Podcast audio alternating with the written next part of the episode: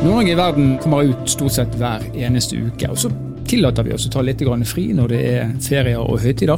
Påsken er en sådan. Men da kan vi benytte anledningen til å løfte frem igjen eh, noen av de høydepunktene som eh, ja, vi i hvert fall håper at vi har klart å servere dere i, i tiden forut.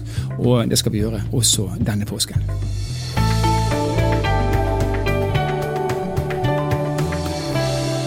Pandemien er nå så godt som over i Norge, eller vi kan kanskje si den er over. Og turistene de har eh, begynt å vende tilbake igjen, sakte, men sikkert. Og I Tromsø kommune så er det altså leid boliger og rom gjennom Airbnb for nærmere 100 millioner kroner. Og Nå har vi med oss reiselivssjef i Tromsø region, Lone Helle. og Velkommen til oss, Lone. Hei, takk. Reiselivet og Airbnb der er jo en, en, en, tett kobling, selv om kanskje ikke alle anerkjenner det. Men inntektene til de som driver med utleie gjennom Airbnb, det skyter i været. Og for deg som reiselivssjef, er det gledelig, eller? Ja, det er jo gledelig at det kommer folk til regionen, eh, og at de eh, bruker tilbudene som er i byen. Nå er det jo sånn at Airbnb har bidratt til at vi kan ta imot flere besøkende i perioder der hotellene f.eks. har vært fullboka. Mm. Og det har jo også gjort at aktivitetsleverandørene har kunnet selge mer i de periodene. Mm. Men så kommer man jo ikke unna er fordeler og ulemper med Airbnb. Eh, men delingsøkonomien, den eh, den, den, er her, så den må vi på en måte lære å leve med. Men Du sier at det, det, altså det er et supplement i de tidene der det er fullt på hotellene, men så kan det jo også være en hard konkurrent for hotellene i de, i de tidene det er færre turister enn det er hotellrom. Hvordan er samarbeidet eller sameksistensen mellom eh, hotellnæringen og Airbnb? Det er et ganske godt spørsmål. Um, hvis vi ser på, um, på økninga på Airbnb i Tromsø-regionen de siste årene, så har det jo blitt en stor konkurrent. Ja. Uh, antall solgte rom på Airbnb og hoteller, um, da er det tre av ti overnattinger på Airbnb i 2019. Så det er jo ganske mange. Tre av ti. Tre av ti. Ja. Samtidig så er det jo sånn at uh, mange gjester hadde ikke kunnet kommet hit uh, hvis ikke vi hadde hatt det tilbudet, fordi det har vært for lite kapasitet på hotell i Tromsø i høysesong. Så det er jo positivt. Og så er det jo sånn at ute i regionen eh, så er det kanskje ikke så mange overnattingstilbud. Eh, så der er det jo en mulighet for folk å være. Eh, så det gir jo både muligheter, men også noen utfordringer. F.eks. at hvis det blir for mye utleie i en by eller i en region, så kan det jo påvirke utleiemulighetene for folk som trenger det over tid, som studenter og lokalbefolkning. Um, så det gir jo noen utfordringer. Også andre ting som uh, kan komme opp, er jo at uh, hvis man har en høy hyppighet på Airbnb-overnattinger, så er kanskje ikke renovasjonstilbudet um, godt nok i den mm. perioden. Uh, sånn at trykk på søppeldunker og andre ting kan mm. på en måte bli for mye på små plasser. Og hvis det blir rot der, så er ikke det det innbydende bildet vi, tenker, vi, har lyst til å vise til turistene våre. Men, men allikevel, altså, du, du, du favner jo bredt når du nå peker på alle de omkringliggende. men vil du si at tilgangen og økningen for den saks skyld på, på Airbnb-tilbud, er det bra, eller er det negativt for den næringen som du da representerer? Det er begge deler. Du nekter å svare ja, ja eller nei på det spørsmålet? Nei, altså, eh, Vi ønsker jo at Airbnb skal organiseres, ja. Eh, og at man får en oversikt over eh, aktiviteten som foregår, og hvor mange aktører det er. Og det er jo mange årsaker til det. Det ene er jo at man er nødt til å sikre kvalitet, seriøsitet og sikkerhet. Det handler jo også om beredskapsmuligheter hvis noe skulle skje, altså hvis en krise skulle oppstå. Eh, og så er det jo også eh, at de bidrar inn til felleskassa på samme måte som hotell og andre aktører som holder på. Eh, sånn at det er på en måte både positive og negative ting. Men så er det jo fint at man har et mangfold i muligheter til å bo. Det er ikke alle som ønsker å bo på hotell. Og også hvis man ser på priser på Airbnb, så har det jo hele spekteret. Man kan jo få muligheten til å overnatte på noen virkelig fantastiske steder gjennom Airbnb. Ehm, så det, det, er ikke noe tvil om at det også er positivt. Og Du representerer jo hele reiselivsnæringen, så ikke bare hotellene. Og det at det kommer mange mennesker, det har jo ringvirkninger både for, eh, for næringen du representerer og, og, mange andre næringer. Ja, det har det. Og i forhold til fly så ønsker vi jo selvfølgelig at folk bruker flyene. Vi ønsker at folk skal eh, bruke aktivitetsleverandører. Vi ønsker at de skal bruke byen, transporttilbud, eh, kafeer, restauranter, handel, attraksjoner. Altså, det er mange ting som disse gjestene bruker. Og og så er de selvfølgelig en konkurrent til hotellene. Men så de er også et supplement eh, når vi ikke har kapasitet, eh, eller hvis gjestene ønsker å bo på andre måter. Det er jo folk som kommer med campervans og telt og altså det er mange former for, for eh, mange måter å komme på. Mange mm. måter å overnatte på. Ja, det kanskje litt frekt å spørre deg om det, men har du, altså du er reiselivssjef. Jeg vet jo at du sikkert ønsker å, å, oppføre deg ordentlig i forhold til næringen du representerer. Men har du brukt Airbnb sjøl? Har faktisk ikke det. Du har ikke det? Men jeg har bodd i boligen til en venninne som leier ut på Airbnb. Ja. Men jeg har ikke leid den. Nei, Er det et valg du har gjort, eller er det helt tilfeldig? Nei, det er tilfeldig. Det er veldig god venninne. Ja, ja, se der. Eh, Men eh, jeg har faktisk verken leid ut eller bodd, så Men jeg er ikke fremmed for det. Nei. Det er ikke et prinsipielt valg du tar, eh, at de uorganiserte ikke skal få del i, din, i dine penger. Jeg liker hotell. Ja, Så enkelt kan det være. Ja. Og med fare for at du igjen kommer til å svare både og. Når du ser på fremtiden, både den nære og den litt mer fjerne fremtiden, er du positiv eller optimist, eller eh, er du det motsatte? Evig optimist. Evig optimist. Ja, ja. Og for alle de turistene som lurer på om de skal komme til Nord-Norge, kom, kom. Her er mye å by på. Tusen takk for at du kunne være med oss eh, og snakke om eh, Airbnb og mye annet, reiselivssjef Lone Helle i Visit Tromsø-regionen. Takk.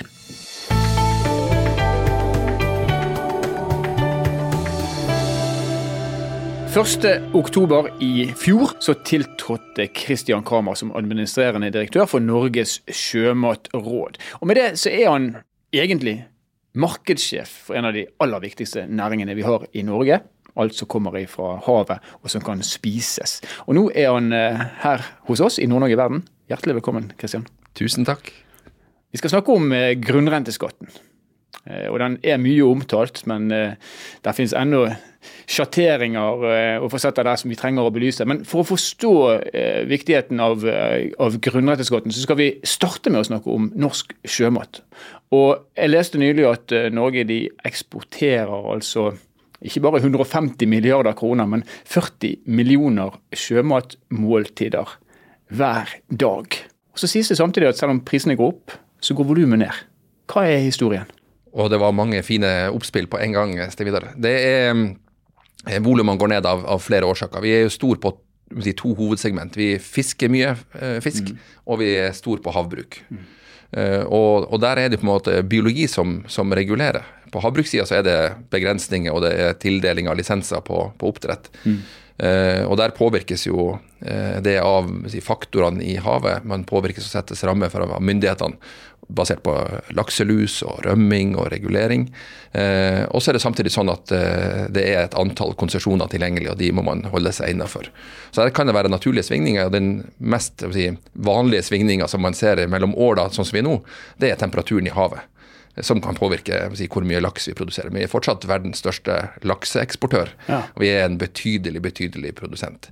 Eh, på de ville fiskeriene så er det det samme, egentlig. Det er fiskets gang. Det er, kan være antallet stormer i skreisesongen som gjør at det forskyver seg litt. Det kan være tilgangen på, på kvote og regulering også der i biologi. Og selvfølgelig også internasjonale eh, forhandlinger og avtaler mellom land som begrenser, enten øker eller, eller eh, begrenser eh, vår tilgang på vill fisk. Så her er jo på en måte mange ting som man ikke alltid kan kontrollere. Og så er det jo sånn at når, når både myndigheter, politikk og biologien styrer dette, så er det jo vår jobb å sørge for at det vi har tilgjengelig, det har størst mulig verdi. Og der er vi på den, disse store tallene du starta med. 151,4 milliarder i eksportverdi. Et enormt tall. Og så har vi prøvd egentlig med dette 40 millioner måltider hver dag. Hver dag. Eh, og være litt sånn tydelig på at dette er så store tall at vi må nesten litt, trekke litt sånn pusten. Eh, fordi vi må tenke at det vi lager er jo Vi ser trailere og vi ser liksom fiskebåter. og eh, Vi ser tallene i verdi, men det er jo egentlig mat til verden vi driver med. Og 40 millioner mennesker hver dag kan spise av den sjømaten vi produserer. Men volumet går ned, sånn, og det er naturlige forklaringer på det. og Vi skjønner jo at det, finnes en begrensning for hvor mye man både kan fiske og produsere. Men når, allikevel eksportverdien da går opp, hva er det fordi at vi serverer ekstra gode fiskemåltider, eller er det, er det andre faktorer som påvirker eh, prisen?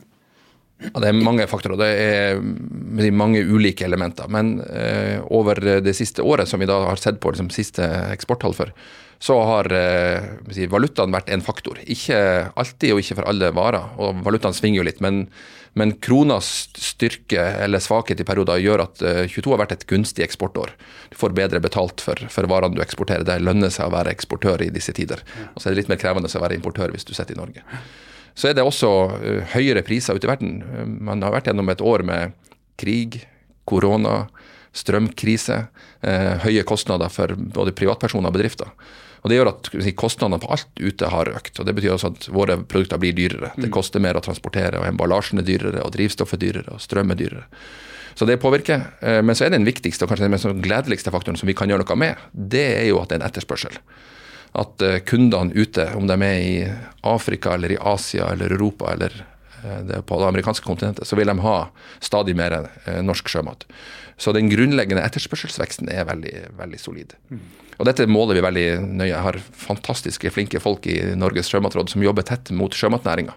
Vi vet at uh, vi har den mest populære fisken. altså Verdens mest populære fisk er norsk laks. Mm. Det er den flest konsumenter i flest markeder der vi måler, peker på som den, den beste. Både til hverdag og til formelle anledninger og til fest. Ja. Og det er jo, vi, har, vi, er utrolig heldige. Vi har utrolig gode kort på hånda når det gjelder sjømateksport. Og Norge eksporterer, eller står for 50% så vidt jeg klarer å huske av det jeg leste, 50% av det totale volumet av atlantisk laks. Ja. Det kommer fra Norge. Men du sier at eh, man foretrekker norsk laks. Er det slik at det generelt spises mer fisk fra havet, og av det også norsk laks? Eller eh, spiser man det samme som før, men man prioriterer når man skal ha laks, å velge den norske? Det, det, er et fint spørsmål. Det er nok sammensatt. Eh, en av tingene vi har sett i pandemien, eh, det er jo at en, en del produkter som har vært kanskje sånn historisk vært på nedadgående kurve. Når det blir krevende tider, dårligere økonomi, så går en del andre produkter opp. Så sild er jo et eksempel på et produkt som går opp. Eh, laksen har stått seg veldig sterkt gjennom pandemi. Eh, den er like populær på restaurant som på hjemmekonsum på kjøkkenet ditt. Eh, så den er ganske sånn krisebestandig og har egentlig stått seg gjennom både finanskrise og tidligere krise som et som et sånn favorittprodukt. Mm. Når det gjelder sjømatkonsumet generelt, så, så er, er, bildet ganske sammensatt i verden. Eh, det er fortsatt sånn at eh, vi har en stor konkurrent i, i andre proteinkilder. Og så har vi en økende konkurrent når det gjelder de nye veganske produktene som man ser i stadig flere markeder at kommer tettere opp. Mm. Så vi har en jobb å gjøre, eh, men vi har et produkt som, som underliggende er veldig populært. Og det skyldes jo si, både at det kommer fra havet, det kommer til veldig mange markeder helt ferskt. Eh, det er sunt, det har omega-3, og det har en, på en måte en, et, eh, et, bilde og en attraktivitet som, som driver mye av konsumenten sine ønsker. Så her, her, vil jeg si at, at det er absolutt behov for både helsemessig og miljømessig å spise mer sjømat fra havet. og Det er der vi vet vi må hente mer av det protein, proteintilbudet vi skal ha i fremtida, det må vi hente fra havet. Og Vi er nødt til å gjøre det enda mer tilgjengelig. Vi må også kanskje gjøre enda flere av de produktene som ikke spises så mye av i dag, enda mer relevant for konsumenter. Både i det nære og det litt store bildet. Ja, og Da snakker du om de produktene som vi allerede har, men som vi ser et større potensial i å selge mer av eller få prisen på. Men er det òg mulig å tenke seg at det er ting fra havet som vi burde ha eksportert, og som vi ikke vil eksportere? Ja, det er En av de eh, mer spennende områdene er jo på tang og tare. Ja. Og der, der, er det jo en politisk arbeid og det er, et, det er, et, markedsmessig arbeid som går på å se på hvordan skal man organisere seg for å få det tilbudet mer kommersielt tilgjengelig og markedsført det bedre, sånn at det blir en større verdi for Norge. Uh, og Det er allerede, allerede, stort på mange områder, særlig knyttet til, til produksjon av, som elementer i, i produksjon. Men i humant konsum kan det bli enda større. Og så spise tang og tare? Ja. Og Det gjør man jo i mange markeder allerede i dag. Eh, I Asia er jo tang og tare en, en, stor del av, av, eh, det man har i sitt daglige kjøkken. Eh, men det vil være tilgjengelig også i andre, andre, deler av det konsumet vi har i dag, kanskje som erstatning eller tilskudd til det vi har. Og så har man jo vi har enorme ressurser som vi kanskje kan absolutt se for oss at vi, vi utnytter bedre eh, innenfor det som hos oss er liksom pelagisk næring, altså sild, makrell og lodde, så har vi jo produkter som er utrolig eh, helsemessig gode, eh, som vi har veldig lange tradisjoner for å spise, men som man kanskje stadig nødt jobber med innovasjon på for å få si, inn i de nye trendene, de nye bildene. Og det er jo der laksen har vært så utrolig suksessrik. Den har liksom truffet noen av de viktigste trendbølgene. Eh, sushi, som er kanskje fortsatt en av de sterkeste globale eh, spisetrendene. Der er liksom den norske laksen har kommet inn nærmest etablert det markedet siden 85. Og Det tror jeg er også er et bilde som man kan ha med seg når man snakker om hvor lang tid det tar å utvikle noe. Man dro altså til Japan i 1985 med laks i kofferten og et ønske om å få det inn i sushi. For det visste man at japanerne gjorde. De spiste laks eller sjømat rå. Og så spiste de i liten grad eh, laks til, til, sushi, sånn som den var da fra havet i, i vill tilstand. Men den oppdrettslaksen har andre komponenter. Den, den, har en annen fettsammensetning, eh, og den er også uten parasitter, som da var problemet i den japanske villfanga fisken. Ja. Og Da lagde man da på en måte et kampanjerigg, man lagde en langsiktig plan. og Fra 85 fram til i dag så tror jeg liksom historien på, på si 50 %-andelen som du viser til på vår andel, den enorme suksessen og de gode verdiene vi får ut av norsk laksenæring, det er et eksempel på langsiktig, målrettet arbeid som starta i Japan. Så har den andre elementer også, men, men sushisuksessen starta der. I dag er det sånn Kristian, at eh, mens laksen står, oppdrettslaksen står for ca. 50% av volumet, så står den for mer enn 70% av verdien. Kan ikke du si noen få ord om eh, hva det er vi eksporterer mest av i tillegg til laksen, og ikke minst hvor er det disse markedene finnes? Ja, vi har, som jeg sa helt i starten, vi har jo et stort, har stort utvalg. Vi har stor bredde i det vi har. og det, det, gjør også at vi kan lykkes på veldig mange fronter samtidig, som forklarer den store suksessen eh, vi har hatt over de siste årene i, i Sjømateksperten, som gjør at den både blir mer synlig, eh, blir mer relevant. Man ser at den er viktigere for verdiskapninga langs kysten. Og vi ser at både fiskedelen, oppdrettsdelen, eh, produksjonsdelen og eksportdelen blir stadig mer betydningsfull for, for hele kystnasjonen Norge. Og Det skyldes jo at vi har havbruket som vi var inne på sted, med laks og ørret som de sentrale. Så er vi jo stor på det som hos oss heter hvitfisk. altså Det er jo torsk, sei, hyse. Der er vi jo stor på en måte på, på hvitfisksida. Og så er vi også stor på det som er da bearbeida produkter. Tørrfisk, saltfisk, klippfisk. Som, eh, som er enormt viktige eh, produkter, i, i, særlig i det europeiske markedet og i det nordamerikanske markedet. Da er vi på hvitfisken. Mm. Er vi på klippfisk eh, og tørrfisk, så er klippfisken nærmest som en sånn nasjonalrett i Brasil og Portugal. Eh, tørrfisken er helt avgjørende i, det italienske markedet og har vært det siden Quirini eh, og sagaen fra, fra, Røst på, på 1400-tallet. Eh, så vi har på en måte viktige produkter fra, fra torsk, sei, hyse som, som, som går veldig viktig, inn i viktige markeder. Og der er jo for ferskfisk så er Europa et viktig nærmarked. Du når på en måte Europa raskt med ferskfisk på lastebil. Du kan dra fra det ytterste kystsamfunnet i Finnmark eller i, i Lofoten eller på Vestlandet eh, raskt til markedet og nå fram med ferskfisk. Og det er, det er, en del av den sammensatte, det sammensatte bildet. Og så uh, har vi nå toucha på en måte havbrukssida, ved hvitfiskdelen. Så har vi, uh, så har vi uh, de pelagiske artene sild, makrell og lodde som vi snakka om i sted, som er store i volum. De er så store i volum at hvis, jeg, tillater på en måte i podkasten enda flere store tall, så har vi så store volum av pelagisk fisk at det tilsvarer, hvis du sendte det med lastebil ut av landet, så er det fem store semitrailere i timen. Oi hver dag hele året. Og Det illustrerer på en måte de enorme tallene når det gjelder sild og makrell Det som går på container, som du ofte sender til land i Asia, eh, til Afrika, eh, delvis for, for sild sin del til, til nærmarkedet i Polen, Tyskland, Sverige. Men det er, det er enorme tall. Og så skal vi ha med oss at vi har eh, det som hos oss er liksom reker og skalldyr. Der er vi sterke på, på reker. Vi er store på kongekrabbe. Snøkrabbe er en art på vei opp. Så dette er på en måte summen av, eh, av det norske sjømatbildet. Og så er det jo mange små enkeltarter, og, og det bildet er veldig sammensatt. Vi produserer utrolig mye forskjellig, eh, men det gir oss også, veldig mange solide bein å stå på. Uh, og treff, vi treffer ulike målgrupper, ulike måltidstyper, ulike tradisjoner. Og heldigvis også mye av hverdagskonsumet til, til kunder ute i verden. Så de 40 millionene med 40 millioner måltidene hver dag de er plassert på kjøkkenbord og restaurantbord over hele verden? Ja, vi sier at vi, vi leverer til tre fjerdedeler av, av, verden. Tre fjerdedeler av verden, ja. Hvem er det da som er unntatt? Ja, vi, har jo, vi har jo noen uh, weak spots, kanskje særlig da i, uh, i Afrika. Ja. Uh, og det kan det nok både skyldes tradisjon og eh, kjøpekraft, eh, distribusjon, tilgang til markedene.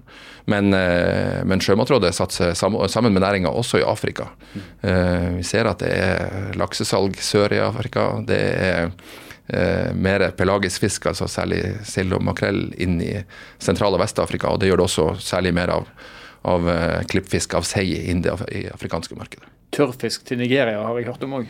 Det er jo en, eh, en, god og viktig del av eh, proteintilgangen i eh, afrikanske land, og har vært det veldig lenge. Men nå kommer det også stadig si, mer distribusjon, og det går an å også satse mer markedsmessig. Hvis du går 30-40 år tilbake, og kanskje mer enn det, så, så var tørrfisk til Nigeria kanskje mer som, som uhjelp eller bistand, og en, bytte, en byttehandel i, i, det bildet.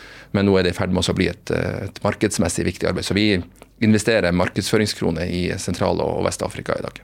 det er mange mennesker i Afrika, så man må jo kunne tenke at det i hvert fall på, på sikt da, kan bli et stort marked. Det blir interessant å se. Men vi skal snakke om, om det som vel kanskje egentlig var, var tema for denne podkasten, nemlig grunnrenteskatten. Og det er slik at, Som du har redegjort for, at fisk og skalldyr, det som kommer fra sjøen, er kjempeviktig for AS Norge.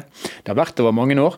Det er blitt betydelig viktigere. Jeg vet ikke, Vi eksporterer halvannen, eller 1500 milliarder verdi i året, og 10 av det kommer fra havet per i dag. Og Potensialet for at det kan bli enda større er absolutt til stede.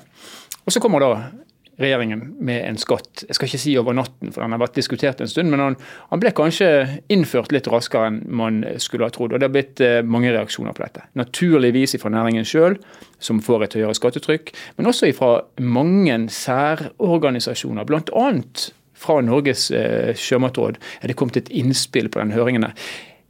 Hva er det dere mener eh, jeg skal ikke si er problematisk, men hva man kanskje må ta litt ekstra hensyn til eh, når det gjelder måten skatten er utformet på i dag? Ja, Du starta med å si at jeg var på en måte markedssjefen for Sjømat fra Norge. Det var jo en fin tittel. Da passer det godt å si at Sjømatrådet er jo et si, markedsførings- og markedsutviklingsorgan for norsk sjømat. Vi er eid av Nærings- og fiskeridepartementet, sånn at vi er eid av, av, staten, vi er et statsaksjeselskap. 100 statlig. 100%. Men vi er finansiert av sjømatnæringa. Det betyr at vi på en måte har vi har vekta på, på to bein. Eh, vi skal stå godt stødig inn i næringa og være si, næringas forlenga arm inn i markedsføring og kunnskapen om markedene, konsumentutvikling og drive den type eh, innsats på oppdrag fra næringa. Jobbe veldig tett med, med, med bedriftene og organisasjonene i sjømatnæringa. Og så har vi et eierskap. Eh, og det å gi et høringssvar i, i det bildet kan kanskje fremstå som litt rart, men, men, det er også en del av de oppgavene som, som vi har rent sånt eh, i, i liksom stiftelsesdokumentene, i, i, det vi skal være eh, til for. Vi skal gi råd til, til myndighetene i spørsmål om sjømateksport. Og dette berører jo sjømateksport. Grunnrente er, som du innleda med, et tema som har engasjert mange gjennom de siste tre månedene av fjoråret. Det gjør det fortsatt. Det er en sak som, der høringsfristen var 4.1. Det skal besluttes på Stortinget i løpet av vårsesjonen, altså før sommeren. Eh, og skatten skal gjelde fra 1.1, men, men hvordan den skal utformes, det skal da besluttes av Stortinget litt senere i år. Det gjør at det, det, er stort engasjement. Det er vel kommet inn eh, i overkant av 350 høringssvar fra en del privatpersoner, men også veldig mange bedrifter, kommuner, organisasjoner eh, og andre som, som er på en måte tilslutta eller jobber med næringa. Her mener vi ikke noe om grunnrente som eh, prinsipp. Det, det, har myndighetene redegjort for og, og, har argumentert for hvorfor dette kommer nå, og, og hvordan man har eh, valgt å gjøre dette. Eh, men det vi har vært opptatt av, det er si, to hovedelementer. Vi er opptatt av fradragsmulighetene. Vi mener noe om muligheten for å ha fradrag for eksportavgifter, som, som er en del av det som, som eh, Sjømatrådet finansierer markedsføringa på på det som går på, på markedsavgift. Og så mener vi noe om normpris. Og Her tror jeg lytterne må holde seg litt fast, for, for normpris kan være et sånt litt ukjent begrep. Um, det som ligger i, høringsgrunnlaget, det som kom i høst, som, som man har svart på, der uh, foreslår man at man skal ha et, et normprisnivå. Altså en plass å plassere uh, skattetrykket på. Så Hvis man da tenker seg veldig sånn eh, enkelt at et kilo laks koster 80 eh, kroner, så varierer det jo eh, ut fra tid på året og sesong og tilbud og etterspørsel osv. om det blir 80 kroner eller 83 eller, eller 90 eller 70. Men her skal man altså da ta utgangspunkt i en normpris, sånn som forslaget forelå. Og Det har vi vært tydelige på i vårt høringssvar, og det ligger jo åpent for alle. og Det er vi også tydelige med, med myndighetene på i direkte dialog. at slik vi ser det, så, så har normprisen noen uheldige elementer. Eh, og det, Da er vi særlig opptatt av det som går på, på markedene ute. Eh, norsk laks er jo et, en merkevare. Det er et, et, produkt. Det ser ganske likt ut, uh, uavhengig av hvem som har produsert det, og i hvilket marked og hvilken butikk du finner det. Men det er kanskje mindre ensarta enn man skulle tro. Uh, vi har ulike produkter. Uh, du kan velge å kjøpe en laks fra Nord-Troms som har uh, noen kvaliteter som en kunde har ønska å, å si, tilpasse. Omega-3-innhold kan være en, eller miljømerking kan være en annen, enn det en, en produsent i, i, Lofoten eller i, i Rogaland har. Så her har vi vært opptatt av at det, dette med normpris har noen, noen nedsider som vi mener er viktig å adressere ganske tydelig i, i høringsprosessen. Men, men, men, la oss ta, for dette, Nå blir vi fort tekniske, og av respekt for at ikke alle forstår hva dette er for noe. Hvordan settes prisen på laks i dag? For Man opererer med begrepet spotpris. Ja. Ja. Kan ikke du si litt om, om hvordan, hvordan, disse her prisene, altså om de blir 80 eller 90 eller 60, hvordan, hvordan bestemmes de? Ja, dette er jo, eh, altså Laksen er jo et produkt som, som eh, eh handles som en, en, helt annen ordinær vare. Det er en kunde og en, en selger. Ja. Eh, og Kunden kan typisk være en stor dagligvarekjede i Europa, eller kan være en importør av, av sjømatprodukter. Eh, og Da gjør man jo på en måte, man, da, da, ser man jo i et spotmarked hva er prisen. Man kan hende at man forhandler med mange og spør hva kan jeg måtte betale for så og så mange tonn eller kilo av, av, dette produktet i denne perioden. Det er jo den spotprisen. altså den, en, en tilbud og etterspørsel der. Er det snittpris, er det det? Ja, du kan jo si altså, Hvis vi skulle bli enige, hvis, hvis vi uh, var tre stykker og skulle bli enige, og du ville betale det ene og den andre ville betale noe annet, så kan jeg som selger bestemme hvem jeg selger til. Jeg ville nok normalt selge til den som betalte høyest pris. Ja, ja. Den varierer nærmest fra dag til dag. Uh, er det storm på kysten, er det stengte veier, er det krevende å nå fram, er det uh, streik på, på fergestrekk til Europa, så, så vil, den, vil den, det tilbudet være redusert en periode. Ja. og det vil øke prisen normalt. Er det stor produksjon, er det stor slakting, store leveranser, så vil prisen kunne gå ned. Og da, Dette svinger jo. Ja. Uh, men så er det jo et element, og det, der er vi jo tydelige på i vårt høringssvar, at her er noe av dilemmaet. da. Det er at uh, hvis man skal ha en normpris som noen skal bestemme at du skal skattes av, så vil det kanskje lønne seg å sikte seg mot normprisen, altså en sånn fastsatt pris. Uh, og det påvirker en annen del av markedet, og det er kontraktsmarkedet. Og vi sier som tommelfingerregel at ca. 30% av laksen som eksporteres, eksporteres på kontrakt. Mm. Og det er jo fordi at eh, man som si, kjøper av et produkt ønsker å, å, sikre at man har en stabilitet i leveranse og en stabilitet i pris. Mm. Det betyr at en, en dagligvarekjede kan planlegge kampanjer utover året, mm. ut ifra at man vet at så mye fisk har man tilgjengelig til denne prisen. Da kan du trykke annonser og lage videofilmer og instruere butikkpersonalet at det er det vi selger laksen for i vår kjede i denne mm. perioden. Um, når, hvis denne normprisen blir satt slik den er foreslått, og som vi måtte advare mot, så kan du da forrykke dette markedet, kontraktsmarkedet. Fordi at du skal betale ikke på kontraktsprisen din, men på normpris. Så bare for, for å sjekke om jeg forstår det rett. Det betyr at hvis jeg som lakseoppdretter eller som eksportør vil inngå en langtidskontrakt med en kunde i USA, og blir enige om at uh, du skal få kjøpe laks fra meg de neste tre årene for 65 kroner kiloet, så vil han på det tidspunktet ikke ane noe om hva normprisen blir. Og Da kan du risikere at du får en normpris som i verste fall blir mye høyere enn det du har solgt fisken din til, så du får beregna skatten din på et helt annet grunnlag enn de reelle inntektene dine. Ja. Hvorfor velger man en sånn løsning? Det virker jo helt, uh, ikke helt uforutsigbart, for å si det snilt. Eh, det, det, sånt, alt, alt, som har med skatt å gjøre, det er jo ganske krevende. Eh, og man ønsker jo å sikre at ting skal være rett. Så her tror jeg man skal ta høyde for at man har eh, de aller beste intensjonene om å lage et, et forutsigbart system. Som skal sørge for at det, denne skatten som er foreslått, denne, denne grunnrenteskatten, skal være rettferdig og forutsigbar. Uh, og så er det jo sånn at Med alle valg så kommer det noen, noen utfordringer og ulemper, og mm. dette er kanskje en av de tydeligste. Du har det, det samme vil du ha på på, hvis du da produserer for en viss pris, eh, og fordi at du ønsker å gjøre det, eller du har kapasitet, eller du vil sikre deg leveranser fram i tid, så velger du å fryse inn fisken. Eh, Det kan hende at den fisken kunne du eh, si, ha produsert på, på, et nivå og hatt en kostnad på som du skulle nå eh, per uke to i, i, i, år, men du selger den da om, om tre måneder. Eh, og Da vil du også få et dilemma rundt dette med normpris på fersk og fryst. For du skal da betale for en, en pris som kanskje da er satt litt lenger fram i tid, mens du egentlig eh, produserte for, en, for, et annet kostnadsbilde og en annen pris i markedet. Så dette er noen utfordringer. Så har man jo sagt at um, man skal nedsette et råd. Uh, man har i løpet av høringsprosessen foreslått et normprisråd. Og Det har vi også valgt inn å, ta inn i vårt høringssvar, at det har også noen ulemper. da. Det, det kan avhjelpe noe, men, men det også har en, et, et tilsnitt av dilemmaer rundt seg. Men Hva skal rådet gjøre? Skal de sørge for at det blir en harmonering, slik at det ikke blir et stort gap mellom spotpris og normpris, og mellom reell salgspris og normpris? Er det det som er ideen? Ja, det er nok tanken at man skal kunne få et sånn uavhengig organ som skal kunne sette det og overvåke og se ja. at her, vi har gått inn og sett på dine priser, vi har sikra at du ikke har si, handla internt og dermed på en måte kamuflert hva du egentlig har solgt for.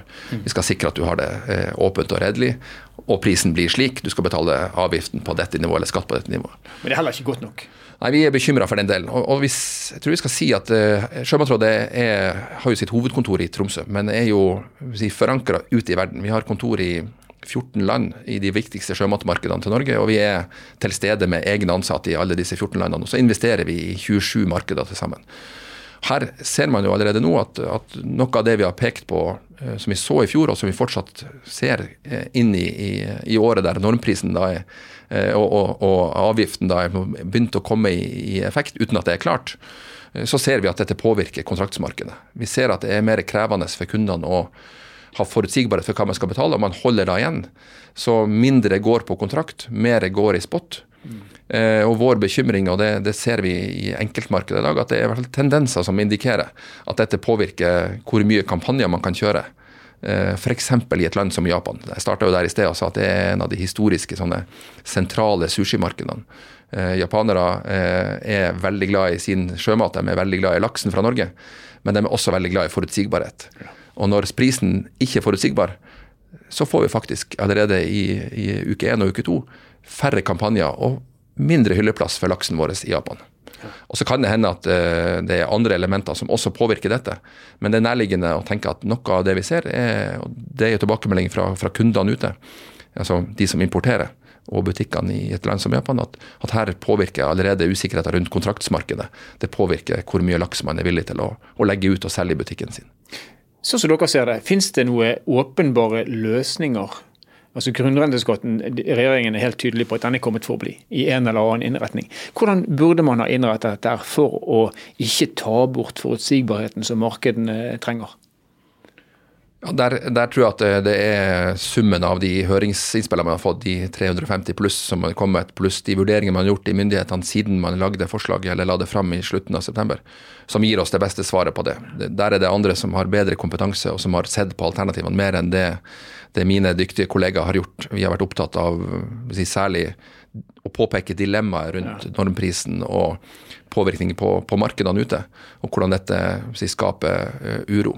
Og Så er det ett element som jeg har lyst til å, å, berøre. Jeg sa i sted at laksen er på en måte en merkevare, og det er et produkt, men det har veldig mange elementer. Du kan legge til og produsere ut ifra visse standarder, eller uh, med uh, si, attributter, kvaliteter som er, skal passe særlig godt for én kunde eller ett et, marked. Og det å, å um, sette normpriser, vi har også pekt på at det gir noen dilemmaer rundt, rundt det at du har et, et, en bredde. At det finnes på en måte en, en, mulighet for et produkt som kommer fra havbruk, til å sette det opp slik at, at du produserer det, den størrelsen, den kvaliteten, den, den eh, bærekraftstandard du måtte ønske. Mm. Eh, for det handler jo egentlig bare om hva, hva, man er villig til å betale for. Du kan få en laks som, har, eh, som er ni kilo. Det tar enda lengre tid. Eh, det koster mer å produsere, men, men det finnes et marked for det.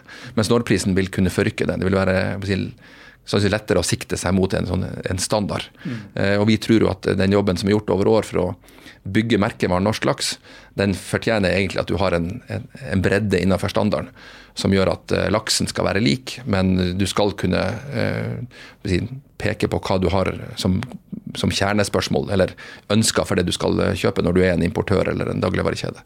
Og så skal kunden være sikker på at den norske laksen har den høye, riktige kvaliteten som du ville til å betale en god pris for ute i markedet. Tusen takk for at du kunne være med oss, Kristian Kramer, administrerende direktør i Norges sjømatråd. Tusen takk. Og med det var både påsken og tilbakeblikkene straks eh, lagt bak oss. Og vi skal gå inn i en tid med ja, vår, mer sol, og hva er vel da mer naturlig enn å snakke om solkraft? Neste episode fra Nord-Norge i verden skal handle om nettopp solkraft.